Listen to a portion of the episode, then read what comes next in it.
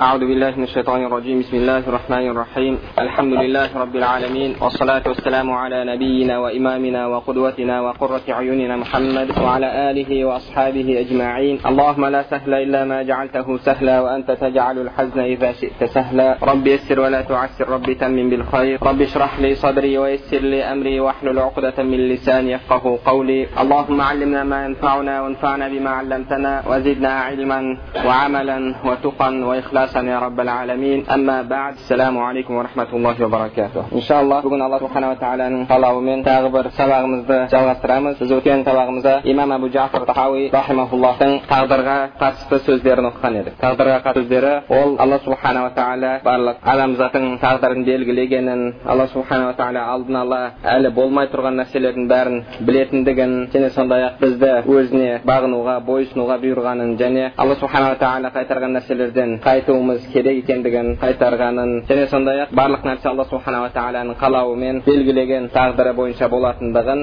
және адамдардың қалауы тікелей алла субханала тағаланың қалауына қатысты байланысты екенін адамдар алла субханала тағала қаламаса еш нәрсені өздеріне қалай алмайтындығын айтқан едік және сондай ақ имам абу жафар тахауи рахмаулла осы тағдырға қатысты сөздерін тамамдай келе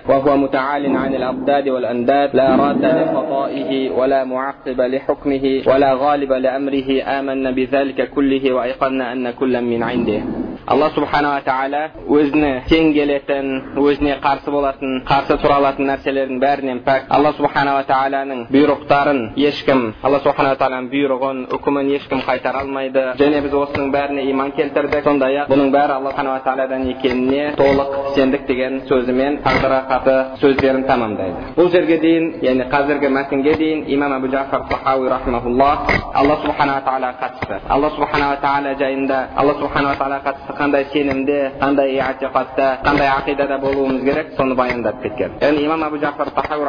бұл мәтіннің өзінде алдыңғы яғни ғұламалардың барлығы жүрген тәсілді ұстанған тәсілді ұстанып жатыр ғұламалар ақида кітаптарын үшке бөлген біріншісі әл илахият әл илахият яғни ол алла субханала тағалаға қатысты баптар алла субханала тағала жайында алла субханала тағалаға қатысты қандай сенімде болуымыз керек алла субханала тағаланың есім сипаттарына қатысты қандай сенімде болуымыз керек сол жайында сөйлеп кетеді және одан кейін екіншісі ән нубуат нубуат пайғамбарларға қатысты және одан кейін үшіншісі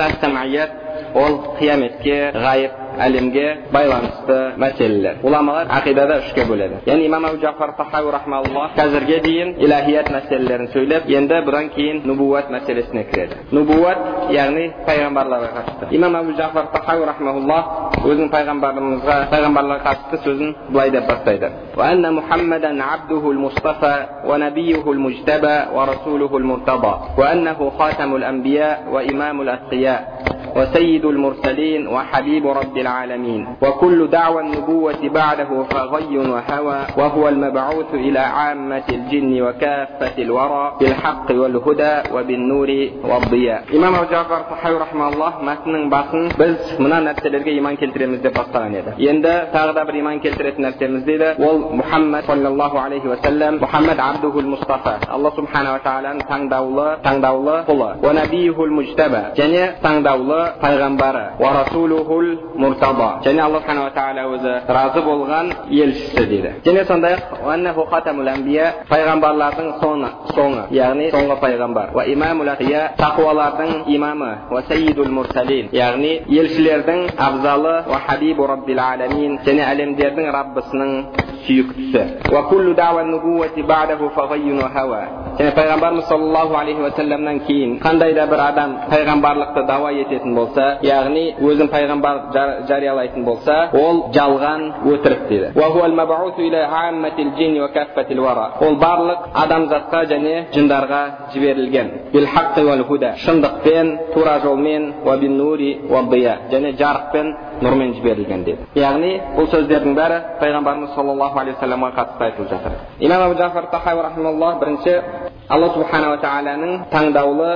ерекше құлы деген сөзбен бастап жатыр жалпы құлдық негізінде ең ұлы ең шарапатты мақам орын болып есептеледі пайғамбарымыз саллаллаху алейхи вассалам үшін. Сол үшін де алла субханала тағала құран кәрімде пайғамбарымыз саллаллаху алейхи вассаламды мақтаған жерлерінде пайғамбарды өзінің құлы екендігін айтады өзінің құлы екендігін айтады мысалы исра сүресінің басында алла субханала тағала субханаллази асра би абдихи лейлан минал масжидил харами илал масжидил ақса түнде түнде өзінің құлына исра жасатқан яғни исра ол түнгі жүру түнде масжидил харамнан масжидил ақсаға жүргізген алла субханала тағала пәк деген жерінде өзінің құлын дейді өзінің құлын және қалам сүресінде нун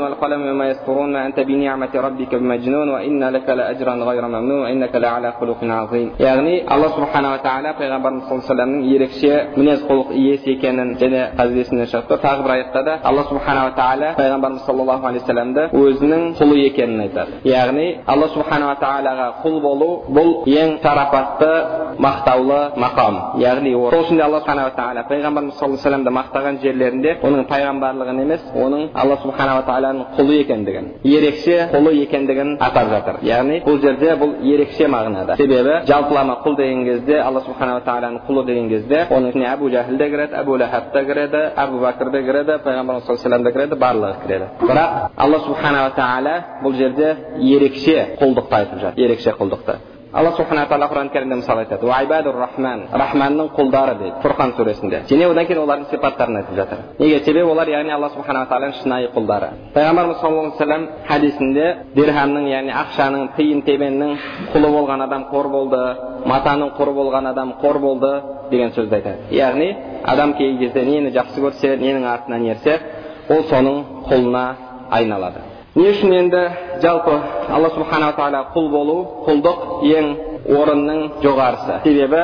құлда негізінде. Яғни бұл дүниеде. Құлда ерік жоқ. Құл өздігінен еш нәрсе істемейді. Өздігінен еш нәрсе істемейді. Бір нәрсе істесе ол қожайынның иесінің рұқсатымен істеледі. Яғни ол тек қана қожайынның қалауын орындайды. Оның әрбір іс әрекеті қожайынның рұқсатымен қожайынның қалауымен қожайынның бұйрығымен болады. Яғни құлдықтың ұғымы құлдықтың мағынасы осы. Алла субханала тағала пайғамбарымыз саллаллаху алейхи вассаламды өзінің құлы деген кезде яғни алла пайғамбарымыз саллаллаху алейхи вассаламның әрбір ісі алла субханала тағаланың бұйрығымен алла субханала тағаланың қалауымен пайғамбарымыз саллаллаху алейхи вассалам сөзінде де іс әрекетінде де амалында да ешқайсысында алла субханала тағаланың қалауынан алла субханала тағаланың бұйрығынан алла субханала тағаланың әмірінен шықпайды сол үшін де яғни ол әрдайым алла субханала тағаланың бұйрықтарын алла субханала тағаланың әмірін алла субханала тағаланың шариғатын шариғат бойынша амал етеді яғни өздігінен еш нәрсе істемейді сол үшін де құлдық бұл ең мақтаулы орын ең жоғары орын болады сол үшін де әрбір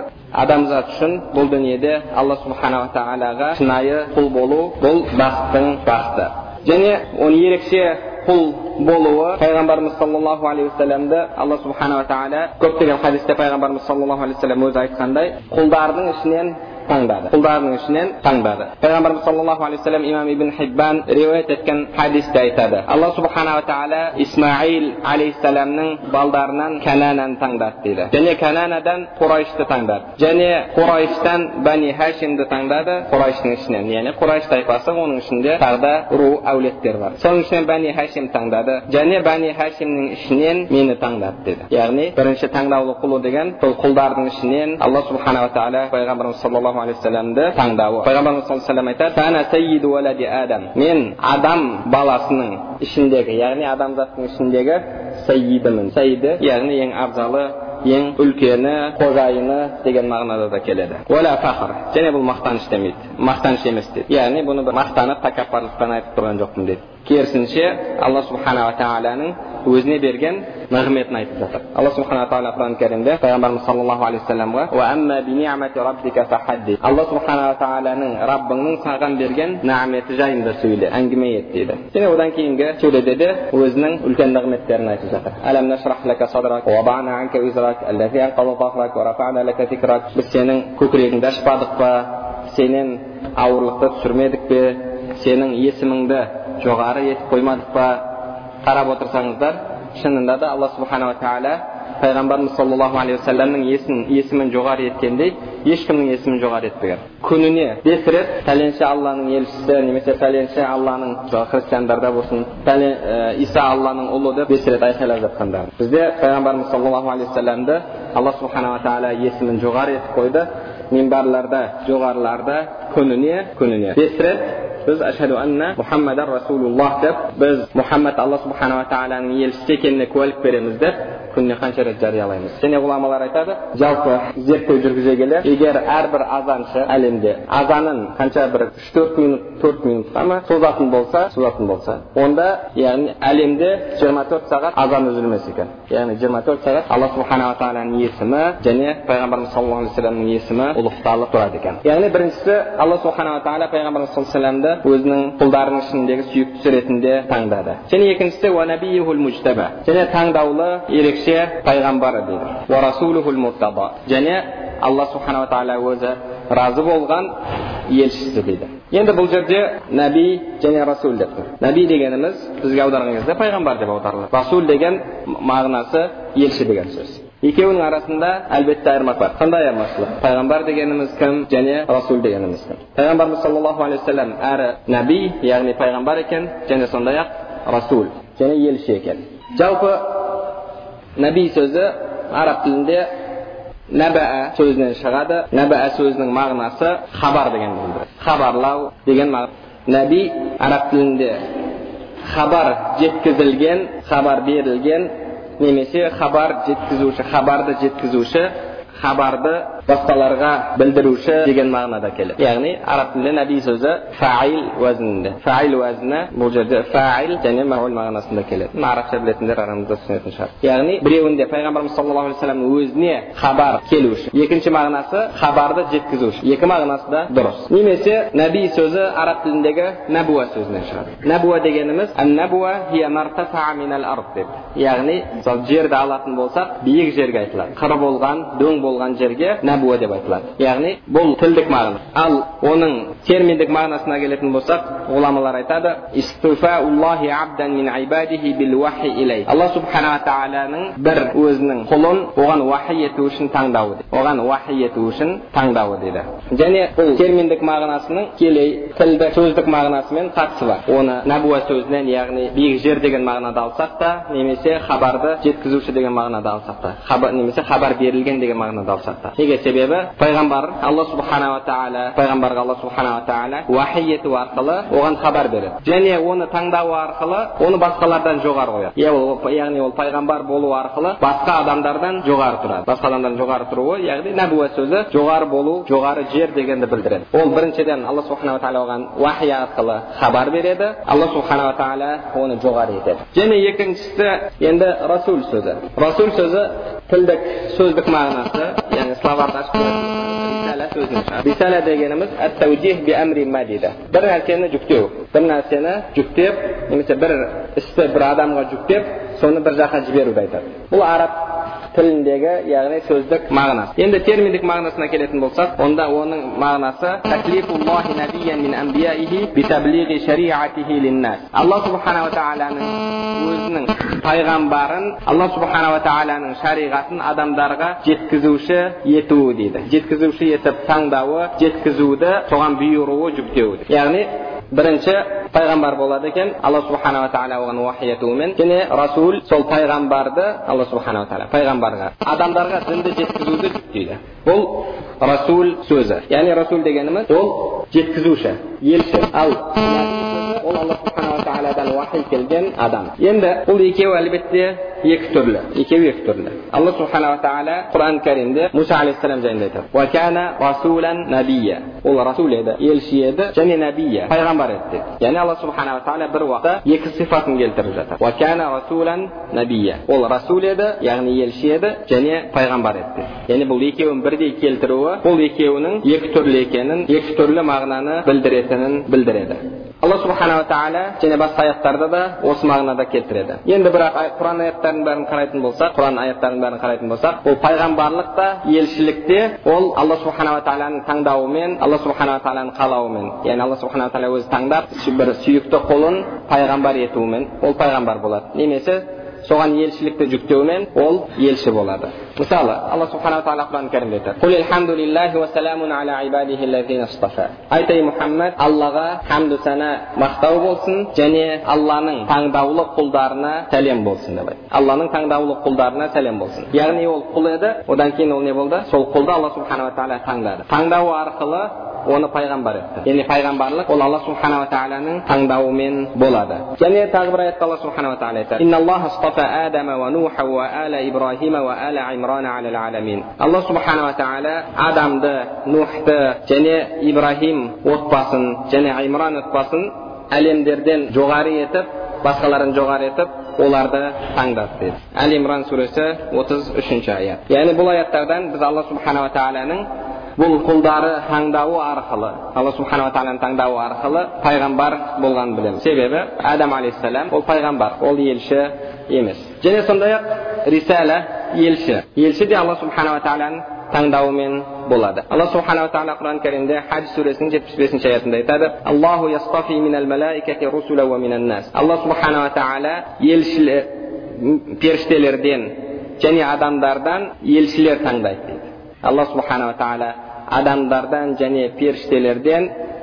елшілер таңдайды дейді яғни бұл жерде русулян деді елшілер яғни елшілік те алла субханала тағаланың таңдауымен болады екен және тағы бір аятта алла субханала тағала айтады араф surasi жүз қырық төртінші аят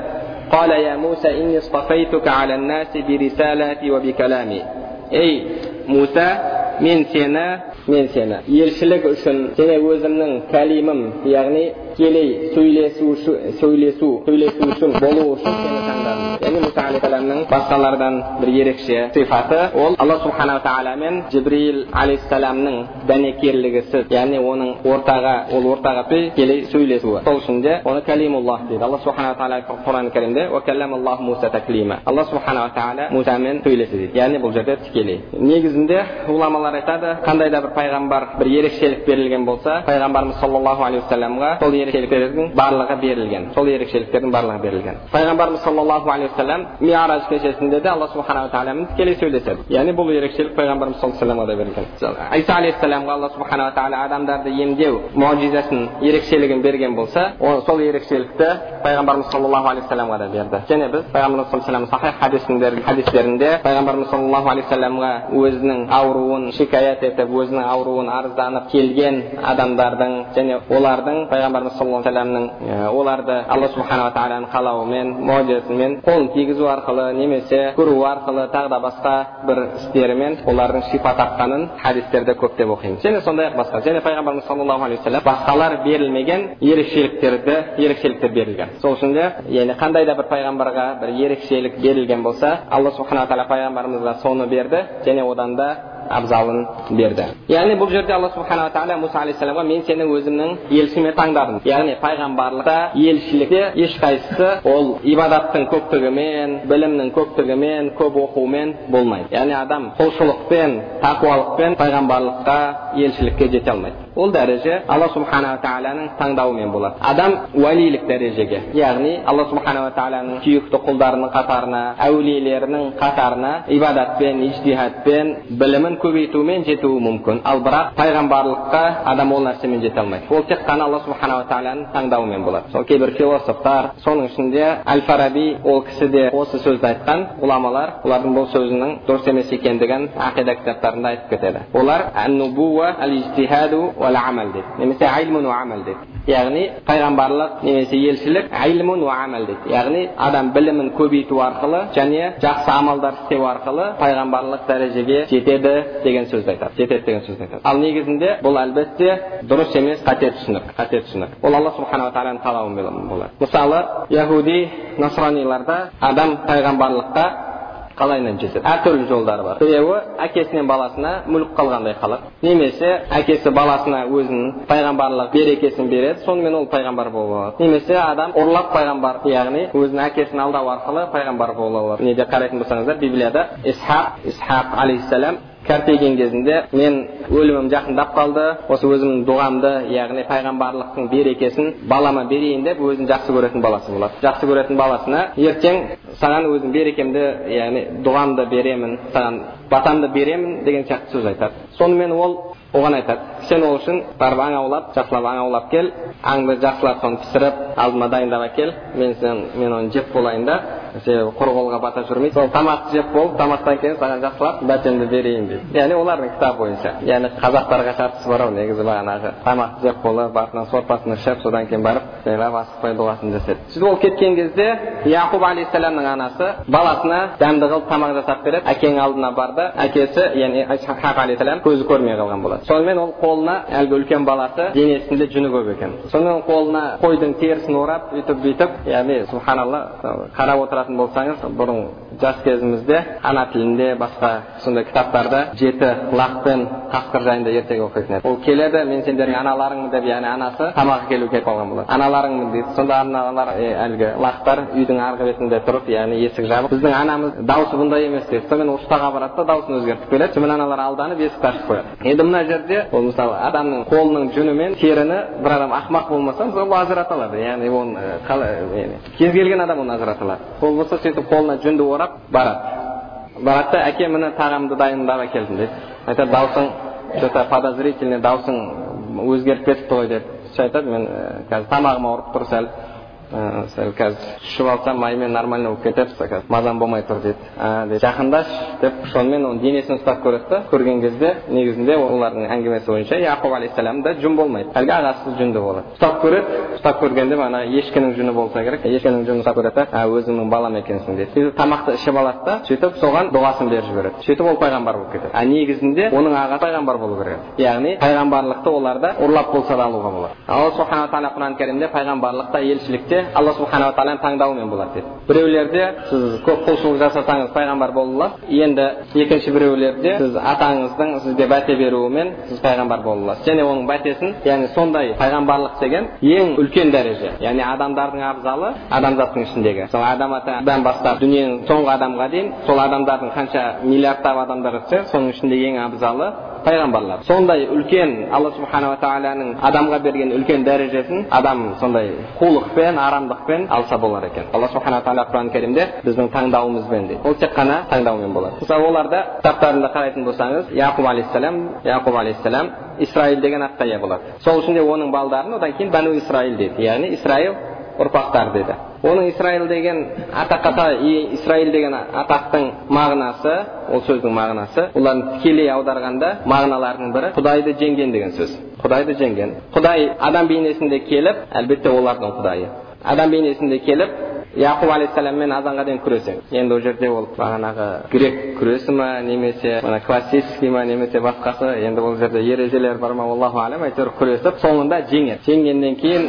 олардың түсінігіндегі олардың кітабында құдайы манағы коверді ұрып жатып айтады желаниеңді айт деді. Сонда ол айтады маған да берекеңді бер дейді менің ұрпағыма берекеңді бер. Бізді адамзаттың абзалы ет деп сөйтіп сол жерде дұғасын алады. Сонымен олар не дейді? Құран кәрімде алла субхана тағала айтпақшы біз алланың ұлдары және сүйіктілеріміз деді. Біз алланың ұлдары және сүйіктілеріміз деді. Қалған адамдардың бәрі бізге қызмет ету үшін жаралған деді. Әлбетте бұл да болса олардың кітаптарының бұзылғанын білдіреді. Яғни біз бұл жерден білгеніміз жалпы адам пайғамбарлыққа ол қанша әрекет қылсын жете алмайды ол уәлилік дәрежеге жете алады. Уәлилік яғни алла субхана тағала құран кәрімде аллаху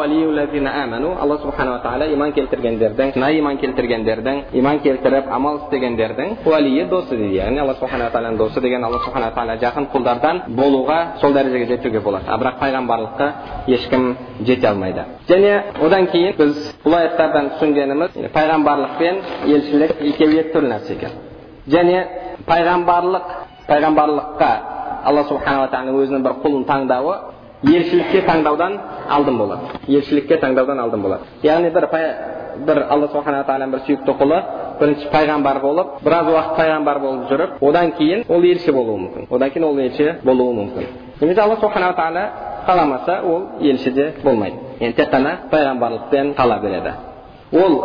сол уақытта сол мерзімде тек қана пайғамбар болады яғни бірінші пайғамбарлық келеді одан кейін елшілік келеді неге себебі пайғамбарлық бұл алла субханала тағаланың өзінің бір сүйікті құлуын уахи үшін таңдауы әлбетте елшілік үшін де уахи керек уахи арқылы болады бірінші уахи келуімен ол пайғамбар болады одан кейін ол тікелей елшіге айналуы мүмкін немесе пайғамбар болып жүріп одан кейін елші болуы мүмкін алла субханала тағала құран кәрімде айтады біз алдыңғыларға алдыңғыларға қанша пайғамбарларды жібердік дейді қанша пайғамбарларды жібердік дейді яғни пайғамбарларды жібердік деді яғни ол пайғамбар еді алла субханала тағала оны жіберу арқылы яғни алла субханала тағаланың шариғатын жеткізуді оған жүктеу арқылы сонымен адамдарға жіберу арқылы ол елшіге айналады ол елшіге айналады мысалы алла субханала тағала құран кәрімде пайғамбарымыз саллаллаху алейхи вассаламға айтады ей пайғамбар біз сені арсалнака яғни жібердік елші еттік расул арсала жіберу елшілік міндетпен жіберу инна арсалнака біз сені елші етіп жібердік деді инна арсалнака шахидан куәгер ретінде уа мубаширан қуантушы ретінде уа назира ескертуші ретінде уа даиян илаллахи биизнихи және алланың қалауымен алланың рұқсатымен алланың жолына шақырушы етіп жібердік деді сол үшін де яғни бұл жерде яғни ей пайғамбар біз сені пайғамбар едің енді елші еттік деген мағынасы себебі елшілікте екі нәрсе бар имам әл ибн абдусалам рахмаулла айтады пайғамбарлық дейді ол екі жағынан да алла субханала тағалаға қатысты дейді алла субханала тағала пайғамбарға үйретеді және өз жайында үйретеді пайғамбарға үйретеді және өз жайында үйретеді енді елшілік дейді бір жағынан алла субханала тағаламен яғни оны бір жіктеп алатын болсақ бір жағы алла субханала тағала тарапта болса екінші жағы адамдар тарап пайғамбар соны жеткізуші ортадағы жеткізуші яғни алла субханала тағала пайғамбарымызға уахи етеді ол оны адамдарға жеткізуге міндетті болады оны жеткізуі керек болады сол үшін де имам әл айтады сол үшін де дейді яғни мысалы жіптің бір тарапы алла субхана тағала тарапында бір тарапы адамдар тарапында болғаннан бір тарапы алла екі тарапы да алла субханала тағала жағында болғаны абзал деді сол үшін де пайғамбарлық елшіліктен абзал деді пайғамбарлық елшіліктен абзал деді яғни сөзге жақсылап мән беріңіздер бұл жерде пайғамбар елшіден абзал деп тұрған жоқ пайғамбарлық елшіліктен абзал деді ал біз білеміз әрбір елші ол пайғамбар әрбір елші пайғамбар бірақ әрбір пайғамбар елші емес яғни әрбір нәби әрбір расул ол нәби бірақ әрбір нәби расул емес әрбір нәби ол расул емес яғни алла субханала тағала пайғамбарға өзіне қатысты өзіне бөлек алла субханала тағала мағлұматтарды білдіреді оған өзіне ерекше мағлұматтар білім береді алла субханала тағала оны ол жеткізуге міндетті емес оны ол жеткізуге міндетті емес себебі ол расул емес арасындағы айырмашылығы яғни өзі жалпы пайғамбар мен елшінің арасындағы кейбір кейін ғұламалар айтқан пайғамбар ол дінді жеткізуге бұйырылмаған дейді. Елші дінді жеткізуге бұйырылған дейді. Бірақ бұл жерде ғұламалар айтады негізінде екеуі де жеткізуге бұйырылған дейді. Бұйырылған. Неге? Себебі пайғамбар алдыңғы елшінің дініне еруші дініне еруші соның шариғатына еруші және әлбетте ол кез келген шариғатта жақсылыққа бұйырып жамандықтан қайтару міндеттелген яғни жақсылыққа бұйырып жамандықтан қайтару дінді жеткізу ол әрбір үмметте барлығына міндеттелген нәрсе сол үшін де енді пайғамбар алдыңғы шариғатқа еретін болса ол шариғатта адамдарға дінді жеткізу бұйырылған сол үшін де ол дінді жеткізуге бұйырылған бірақ оған бір жаңа шариғат уахи етілмеді соны жеткізу үшін ол алдыңғы пайғамбардың дінін жеткізуші яғни жеткізуге бұйырмаған деген кезде ол жаңа шариғат оған нәзіл етілмеген оны жеткізу үшін ал бірақ екеуі де адамдарға дінді жеткізуге бұйырылған пайғамбар да елші де түсінікті ма сөзім енді мысалы пайғамбарымыз саллаллаху алейхи уассаламға алла субханала тағала өзінің жібрейл алейхисалам періштесін жіберді жібрейл алейхисалам келіп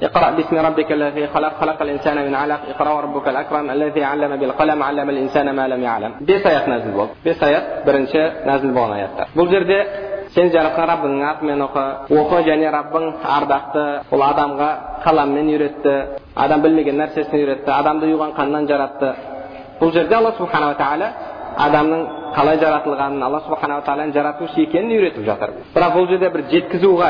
жеткізетін бір нәрсе бар ма жеткіз деген сөз бар ма жеткіз деген сөз жоқ яғни пайғамбарымыз саллаллаху алейхи вассаламға алла субханала тағаланың уахи келуімен уахи келуімен пайғамбар саллаллаху пайғамбарға яғни мұхаммад пайғамбарға айналды алланың сүйікті құлы мұхаммад пайғамбарға айналды яғни пайғамбарлықтың белгілері одан алдын басталған пайғамбарымыз саллаллаху өзі хадисінде айтқандай мен бір түстер көретін едім сол түс өңімде болатын еді дейді және мен пайғамбарлықтан алдын маған меккеде сәлем беретін тасты білемін дейді яғни алла субханала тағаланың жаратылыстары тал сияқты нәрселер пайғамбарымыз саллаллаху алейхи вассаламға сәлем беретін болған енді пайғамбарымыз саллаллаху тарихына қайтатын болсаңыздар пайғамбарымыз саллаллаху уахи келеді пайғамбарымыз саллаллаху алейхи вассалам сонымен қорқып үйіне барады мені бүркеңдер дейді одан кейін уахи үзіліп қалады уахи үзіледі әртүрлі риуаяттар келген қанша үзілетіндігінде бірақ ең дұрысы ол бір алты ай кейбіреулер үш жыл төрт жыл деген сияқты сөз айтқан ол риуаяттар барлығы әлсіз. Алты ай уахи болмайды. Одан кейін бір күн кетіп бара жатқан кезде аспанда сондай аспанды қанаттарымен қосып жибраил алейхисалам өз бейнесінде көрініп уахи етеді.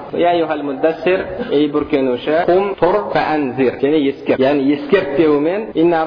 біз сені жібердік деуімен пайғамбарымыз саллаллаху алейхи вассалам елшіге айналды. Бірінші уахи түскеннен құм тұр ескерт деген уақытқа дейін пайғамбарымыз саллаллаху алейхи вассалам пайғамбар болып жүрді одан кейін елшіге айналды себебі алдын адамдарға жеткізуге ешнәрсе түскен жоқ жеткізуге пайғамбарымыз саллаллаху алейhi бұйырылған жоқ одан кейін барып пайғамбарымыз саллаллаху алейхи вассаламға уахи яғни адамдарға жеткізу міндеттелді пайғамбарымыз саллаллаху алейхи вассаламға расул ретінде жеткізуші ретінде нәзіл болған нәрселердің бәрін пайғамбар жеткізуге міндетті жеткізуге міндетті. Алла субхана тағала құран кәрімде расул ей елші раббың тарапынан саған нәзіл болған нәрсеге нәзіл болған нәрсені жеткіз дейді. Адамдарға жеткіз дейді егер сен ол нәрсені істемесең онда сен өзіңе жүктелген міндетті орындамапсың деді яғни елшілік міндетін орындамағаның пайғамбар елші жеткізуге міндетті елші ретінде алла субхана тағала білдірген нәрселердің бәрін ал енді кейбір нәрселерді өзіне жеке білім ретінде жеткізуі мүмкін пайғамбарымыз саллаллаху алейхи вассалам өзінің хадисінде айтады егер сендер менің білген нәрселерімді білгендеріңде еді көбірек жылап азырақ күлер едіңдер дейді төсектеріңде төсектеріңде үйлеріңде әйелдеріңмен яғни төсектес болуға да шамаларың келмей қалатын нәрсе яғни соншалықты ол мағлұматтардың сондай күрделі сондай маңызды екендігі сендер оны білген кездеріңде сендер әйелдеріңді де ұмытып қояр едіңдер дейді бірақ пайғамбарымыз саллаллаху бізге сол нәрсені айтты ма яғни біз қазір азырақ күліп көбірек жылаймыз ба әлбетте жоқ өкінішке орай біз күлкіміз жылауымыздан көбірек және әйелмен төсектес болуды әлбетте ешкім тастаған жоқ пайғамбарымыз саллаллаху алейхи вассалам мен білген нәрсені білгендеріңде деді бірақ сол білген нәрселерін бізге айтты ма айтқан жоқ енді пайғамбарымыз саллаллаху алейхи вассаламға алла субханала тағала сол білімді пайғамбар ретінде оған білдірді ме немесе елші ретінде ме пайғамбар ретінде себебі елші ретінде оған ол нәрселер уахи етілгенде пайғамбарымыз саллаллаху алейхи вассалам елші деген яғни жеткізуші жіберілген ол жеткізбесе әлбетте пайғамбарымыз саллаллаху алейхи вассалам күнәһар болар еді сол үшін де яғни ол пайғамбар болуы мүмкін бірақ елші болмауы мүмкін. Және елші болмай тұрып ол біраз уақыт пайғамбар пайғамбар болып жүруі мүмкін. Мысалы алла субхана тағала құран кәрімде бақара сүресінде бізге бір пайғамбар туралы айтады.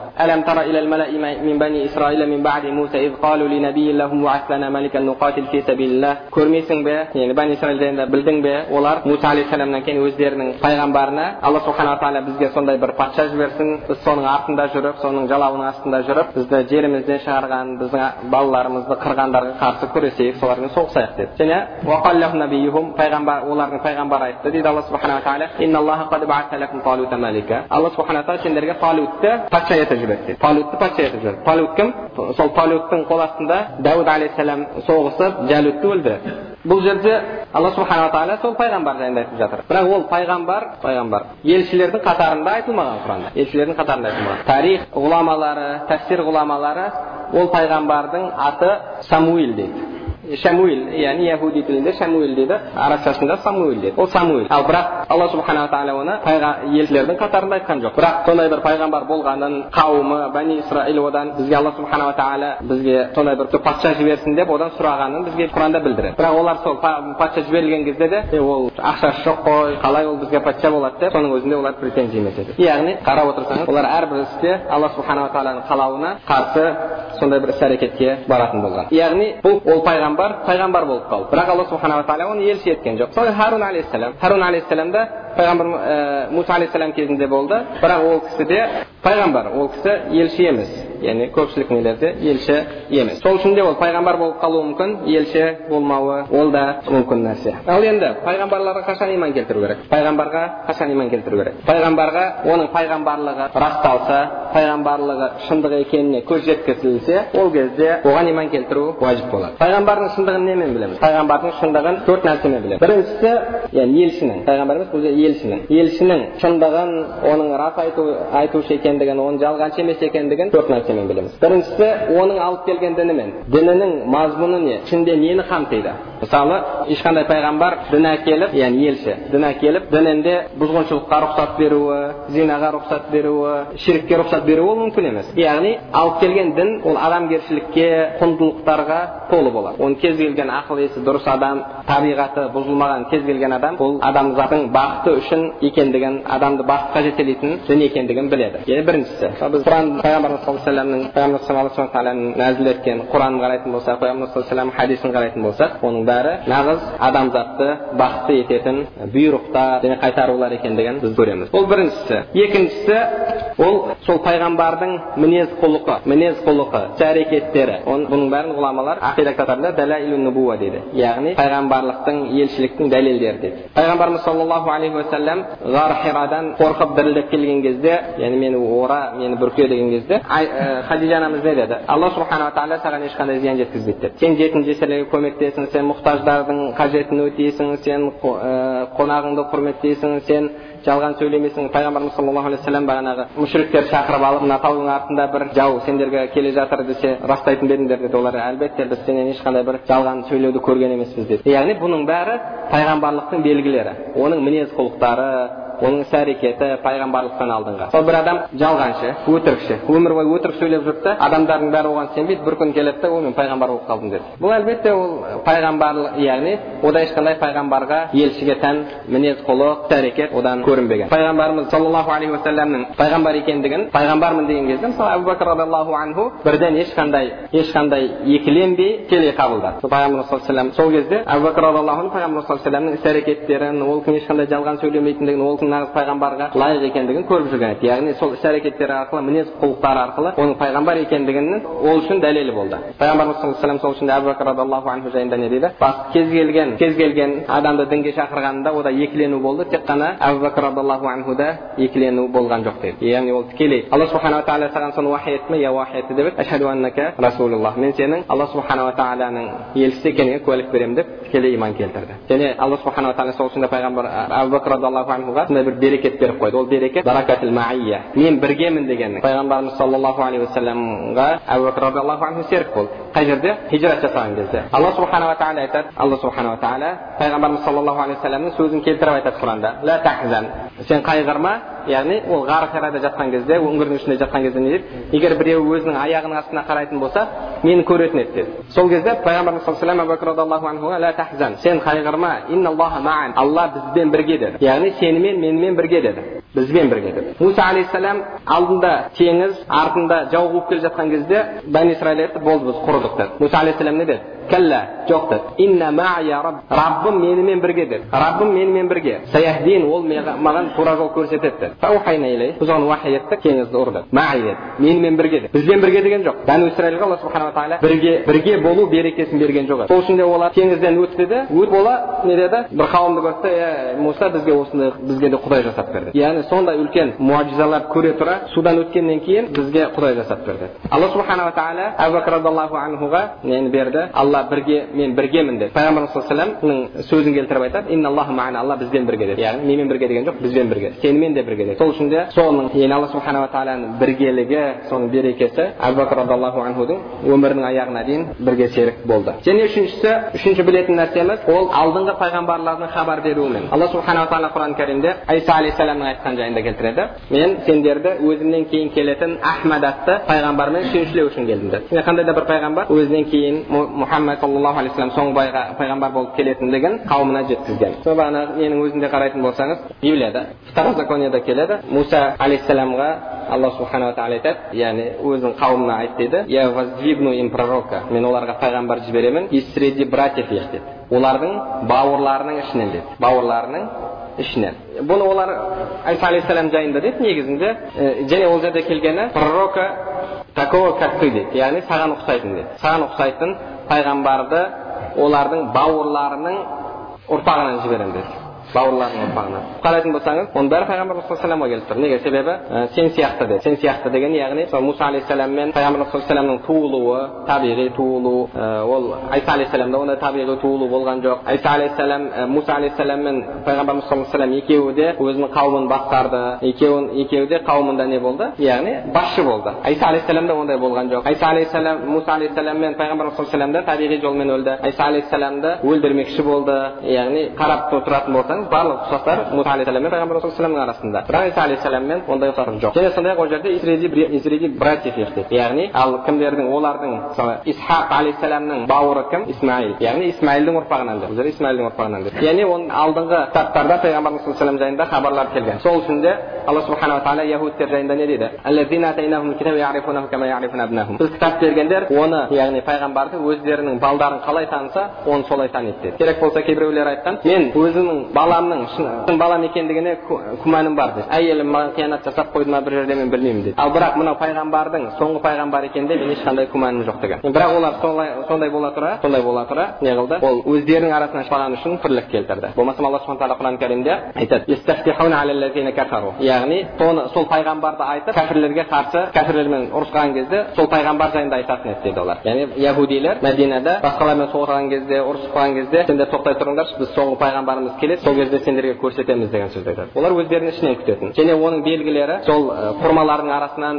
формалардың арасынан келеді деп яғни оның сипаттарының бәрі яғни мединеде болатынын білдіреді. Сол үшін де олар сол жаққа көшіп келген негізі. Және алдыңғы олардың кітаптарында хабарлары бар. Және сондай ақ төртіншісі ол алла субханала тағаланың жіберетін муажизалар яғни қандай да бір пайғамбар келген кезде қауымы әртүрлі муажиза сұрайтын болған. Муажиза дегеніміз яғни әдетті яғни күнделікті заңдылықты бұзатын істер. Заңдылықты бұзатын амалдар заңдылықты бұзатын яғни алла субханала тағала бұл дүниеде заңдылықтар жаратып қойды бірақ қаласа ол заңдылықтарды алла субханала тағала істетпей қояды мысалы сіз бір таяқты тастасаңыз ол ешқашан жыланға айналмайды бірақ алла субханала тағала қалады мұса алейхисалам таяқты лақтырып еді ол жыланға айналды сіз біреуді отқа лақтырсаңыз ол күйме шықпайды ал бірақ алла субханала тағала ибраһим алейхисаламды отқа тастаған кезде қауымы одан яғни одан күю қасиетін алып қойды немесе күю сипатын алып қойды күйдіру сипатын алып қойды сол сияқты ол әмрун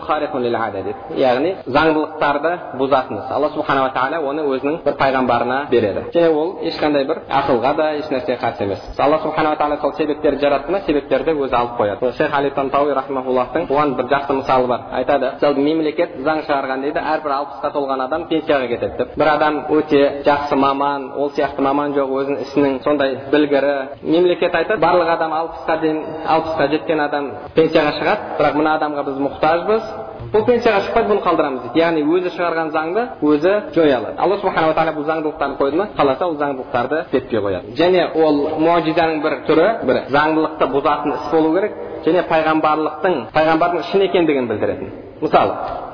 хадистерде келеді мусайлам әл жалғаншы ол өзінің пайғамбармын деді пайғамбарымыз саллаллаху алейхи вассаламға бір бір көзді адам келіп еді көзіне түкірген кезде екінші көзі өзіне қайтты яғни көзі қайтып ол шипа тапты мусайлам әл каззабқа бір, бір, бір көзді кісіні алып келген кезде ол көзіне түкірген кезде ол көзі де соқыр болып қалды яғни адам түкірген кезде көз біреуге сіз түкірсеңіз көз соқыр болып қалады ма көз соқыр болып қалмайды бірақ бұл яғни заңдылықты бұзды ма бұл іс бұзды бірақ оны қорлау үшін бе немесе оның шындығын білдіру үшін бе оның оны қорлау үшін яғни ол үшін ол қорлық мысалы бір біреу келсе мен пайғамбармын десе оған қауым айтса давай бір бізге муажиза көрсет десе ол айтса менің муажизам мына қазір сендерге мына тас сөйлейді десе тас сөйлейді алланың қалауымен десе тасқа тіл бітіп бұған сенбеңдер бұл жалғаншы бұл кәззап десе бұл муажиза болады ма тас сөйледі ме сөйледі бірақ тас оның жалғаншы екендігіне куәлік беріп тұр яғни бұл оны растау емес бұны не оны қорлау. Сол үшін де ол муажизаның өзі де оның растығын дәлелдеу дәлелдеу үшін болу керек. Керісінше оны қорлау үшін емес. Яғни осы нәрселермен біз пайғамбардың пайғамбар екенін білеміз. Ал бұның бәрі пайғамбарымыз саллаллаху алейхи вассаламда табылып тұр. Және пайғамбарларда табылу керек болған сипаттар біздің уақытымыз қанша намаз қаншада пайғамбарлардың сипаттарын елшілердің сипаттарын жалпы ғұламалар жеті сипат дейді біріншісі әл фитна зеректік енді мысалы бір адамдар болады онша қақпай ә, бір нәрсе өте жай жетеді оларға және бұл дүниенің өзінде сәл арамызда кейбір кейде бір адамдар болуы мүмкін олар не дейді қалай десек болады иә мысалы түсінбейді бір нәрсені қақпайды ода бір зеректік не жоқ оны арабша бәлид дейді бәлид яғни махал дейміз ба яғни сондай бір сипат ондай сипат пайғамбарларда ондай сипат болмайды. Пайғамбарларда зеректік алғырлық бір сондай бір ерекше сипат және екіншісі әл айсма дейді. Айсма яғни алла субханала тағаланың қалауымен алла субхан тағаланың сақтауымен олардың үлкен және кіші күнәлардан пәк болуы. Үлкен және кіші күнәлардан пәк болуы. Және үшіншісі ақ шыншылдық рас сөйлеу пайғамбарымыз саллаллаху алейхи вассаламға барлығы не дейтін еді мұхаммад әмин дейтін еді яғни рас сөйлеуші мұхаммад деп пайғамбар болмай тұрып рас сөйлейтіндігіне барлығы бір ауыздан келіскен және өздерінің аманаттарында пайғамбар болғаннан кейін де аманаттарын пайғамбар саллаллаху келіп тастайтын еді яғни өздерінің мүшрик достарына сенбейді бірақ дұшпаны болған пайғамбар саллаллаху сенетін еді және төртіншісі әт елшінің бір сипаты ол жеткізу яғни оған уахи етілген жеткізу үшін уахи етілген барлық нәрсені ол жеткізуші және يشتاء олар адамдарды жеркендіретін адамдарды өзінен қашыратын ауруларға ұшырамайды. Мысалы біреулер кейде бір исраилияттардан оқып жатасыз аюб алейхисалам сондай қатты ауырыпты. Алла субханала тағала оған құрттар жіберіп құрттар оның денелерін бәрін жеп қойып денені жеп біреу баса алып қайтадан денесіне салып қояды екен. Алла субханала тағала сенің рызқыңды менің денемде етті деп сонымен денесінің бәрін жеп жеп жанынан адамдар бәрі қашып кетті. Соңында тіліне келген кезде ей аллахым мен денемнің бәрін жеуіне разы болдым бірақ сені зікір етіп отырған ә, сол арқылы көңілім жай тауып отырған яғни бұны былай айтатын болсаңыз негізінде адамдарды бір кейбір имамдар айтып адамдарды жылатады қазір өзбекстанда сондай көрген едік негізінде ол исраилият сонда тіліне келген кезде ей аллах енді мен бұдан артығына шыдай алмаймын менің тілім кетіп сені зікір ете алмай қалсам онда бұдан артық маған қорлық жоқ маған көмектес деген кезде алла субханала тағала қайтадан оған дәулетін қайтарыпты басқасын қайтарыпты денсаулығын қайтарыпты деп айтып жатады а негізінде ол ауру ондай ауру емес еді ол ауру іштен яғни адамдарды қашыратын ауру емес мысалы бағанағы сүйектер ауруы қазіргі немен алатын болсақ қандай мысалы? Ана жоқ ана позвоночниктің грижа дейді ма немесе ана радикулит дейді ма? Сол сияқты бір сондай яғни ол адамдарды қақыратын бір дененің шіруі басқа қылу ондай емес. Пайғамбарлар ондай аурулардан пәк. Неге себебі? Пайғамбар елшілер жеткізуге міндет. Ал ондай ауруы бар алапес басқа адамдарды өзінен жиіркендіретін адам ол өзін адамдарға дінді жеткізбейді ол өзінен қашырады. Алла субханала тағала мысалы мұса алейхисаламды пайғамбар еткен кезде оның тіліндегі кемшілікті алып қойды. Иә айтты. Мен тұғуды кетір мен сөзім оларға түсінікті болсын деп алла субхана тағала дұға қылды алла субханала тағала тілін қайтадан түзетіп өзіне қайтарды яғни оларда ондай олар кемшіліктерден пәк ондай кемшіліктерден пәк сол мұса алейхисалам өзіне қатысты да неше түрлі исраилияттар бар бағанағы отырып фирауын алдында отырып сақалын жұлып алыпты дейді фирауын отырып е мынау екен ғой мені құртатын пайғамбар ертең бәни исраил қауымынан шығып мені құртатын осы екен ғой әлгі біреу түсінде көрген осы екен ғой деп өлтірмекші болса жанындағылар айтты бұл кішкентай бала ғой оны не қыласың өлтіріп десе қазір тексеріп көреміз деп тексеріп көреміз деп алдына шоқпен алтынды әкеліп қойыпты деді егер алтынды алса онда бұл бұл бір белгі мен бұны өлтіруім керек дейді егер шоқты алса онда ол балалығымен мен сақалымды жұлып деп сөйтіп ол қолын алтынға бұр, алтынға қолын салып жатқан кезде періште бұрып жіберіп шоқты алып аузына салып жіберіпті негізінде ол да исраилия. Енді қалай болғанын тұтығудың қалай пайда болғанын біз білмейміз. Бірақ ә, ол сол тұтығу бар. Ал енді шоқты ауызға апармай тұрып адамның бірінші қолы күйеді дұрыс па ол қалай оны ұстап бала оны қысып ұстайды мысалы қысып ұстап аузына апарады аузы күйеді да қолы күймейді. Яғни оның өзі негізінде ақылға сыймайтын нәрсе. Және алтыншысы ол адамдардан пайғамбарлардың адамдардан болуы. Алла субхана тағала құран кәрімде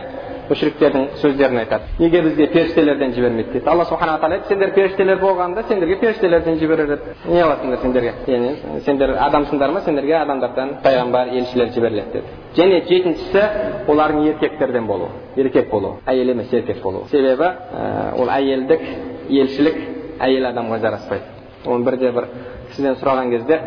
бір кісіден сұраған кезде неге бұл әйел үшін қорлық емес пе деген кезде айтқан кезде әйел неден жаратылды деді әйел қабырғадан жаратылды. Қабырға дегеніміз не? Ет дұрыс па? Сіз етті алып көшеге шығарып қойсаңыз оған шыбын да қонады оны келіп ит те тістеп алып кетеді басқа қылады ода бағанағыдай зерек болса басқа сипаттар табылып жатса әдемі болып жатса. Ал енді сіз көшеге шығарып балшық қойып қойыңыз. Ол балшыққа ит те келмейді оған шыбын да келмейді. Ол балшық балшыққа басқа ешкімге керек емес. Яғни бұны бір енді мысал ретінде былай жауап ретінде айтқан. Яғни осы сипаттар табылу керек. Және муажизаға қатысты тағы бір нәрсе. Ол пайғамбарлардан қандай да бір муажизалар сұраса алла субхана тағала қалаған муажизалар көрсететін болған бірақ муажизаны сұрауда шектен шығу болмау керек шектен шығу болмау керек шектен шығу болған кезде алла субхана тағала ол нәрсені оларға берді яғни сұрауын берді құран кәрімде мүшриктердің біз саған пока сен аспанға ұшып кетпейінше сенімен бірге періште түспейінше сенің осындай зәулім зәулім үйлерің болмайынша біз саған иман келтірмейміз сен бізге или жерден бір бұлақты жарып бермейінше деген сияқты сөздерін келтіреді. Бірақ пайғамбарымыз саллаллаху олардың ешқандай ол сөздеріне жауап берген жоқ. Және ол мағжизаларды көрсеткен жоқ. Неге? Себебі ол сұрауда шектен шығу еді. Және және соңғысы бұл жерде осымен сөзімізді тамамдайық иншалла. Пайғамбарымыз саллаллаху алейхи вассалам хатамул әмбия хатамул әмбия яғни пайғамбарлардың соңғысы. Бір адамдар шықты біз біз елшіміз деп шықты. Оны бұл аят оған дәлел болмайды деді. Ол пайғамбардың соңғысы деп тұр. Елшілердің соңғысы емес деген сияқты сөзді айтты. Негізінде ол ақымақ неге? Себебі біз білгеніміздей аят хадистерден білгеніміздей елші бірінші пайғамбар болады одан кейін елші болады. Одан кейін елші болады. Яғни әрбір елші пайғамбар әрбір елші пайғамбар яғни пайғамбар болмайды деген сөзі міне яғни бұл пайғамбарлардың соңғысы дегені хатам деген яғни мөр деген сөз мөр деген өз негізінде сөзді бітіресіз да сөзіңізді растап соңына басылады енді қазір бізде төбесіне басып жүр ғой көп жерде бірақ негізінде мөр хатам деген яғни яғни хатыңды сонымен хатымдайсың хатым деген яғни тамамдау бітіру деген сөз хатамун яғни соңғы болып болды мөрі қойылды пайғамбарымыз саллаллаху алейхи вассалам сол үшін де пайғамбарымыз саллаллаху алейхи вассаламнан кейін ешқандай пайғамбарлар да келмейді пайғамбар елші келмейді айса алейхисалам елші ретінде түспейді айса алейхисалам әлбетте ақидасында тірі қияметтен алдын түседі ол қияметтің үлкен белгілерінен бірақ түскен кезде ол бір жаңа шариғатпен елші ретінде түспейді ол пайғамбарымыз саллаллаху алейхи дініне еруші ретінде түседі сол үшін де әрбір бізде пайғамбарымыз саллаллаху кейін пайғамбарлықты дауа етушілер ол ахмадия болсын ахмад мырзағлам ахмад болсын ол мұсайлама болсын ол бағанағы әйел болсын сәжа недегі сәжа барлығы жалғаншылар имам абу зафар айтпақшы пайғамбарымыздан кейін пайғамбарлықты дауа етушілердің бәрі жалғаншы кәззап өтірікшілер және алла субханала тағала бізді сол соңғы пайғамбардың үмметі еткен алла субханала тағалаға хамду сана мақтаулар болсын алла субханала тағала бәрімізге пайдалы білім нәсіп етсін білімдерімізге амал қылуымызды амалдарымыздың қабыл болуын нәсіп етсін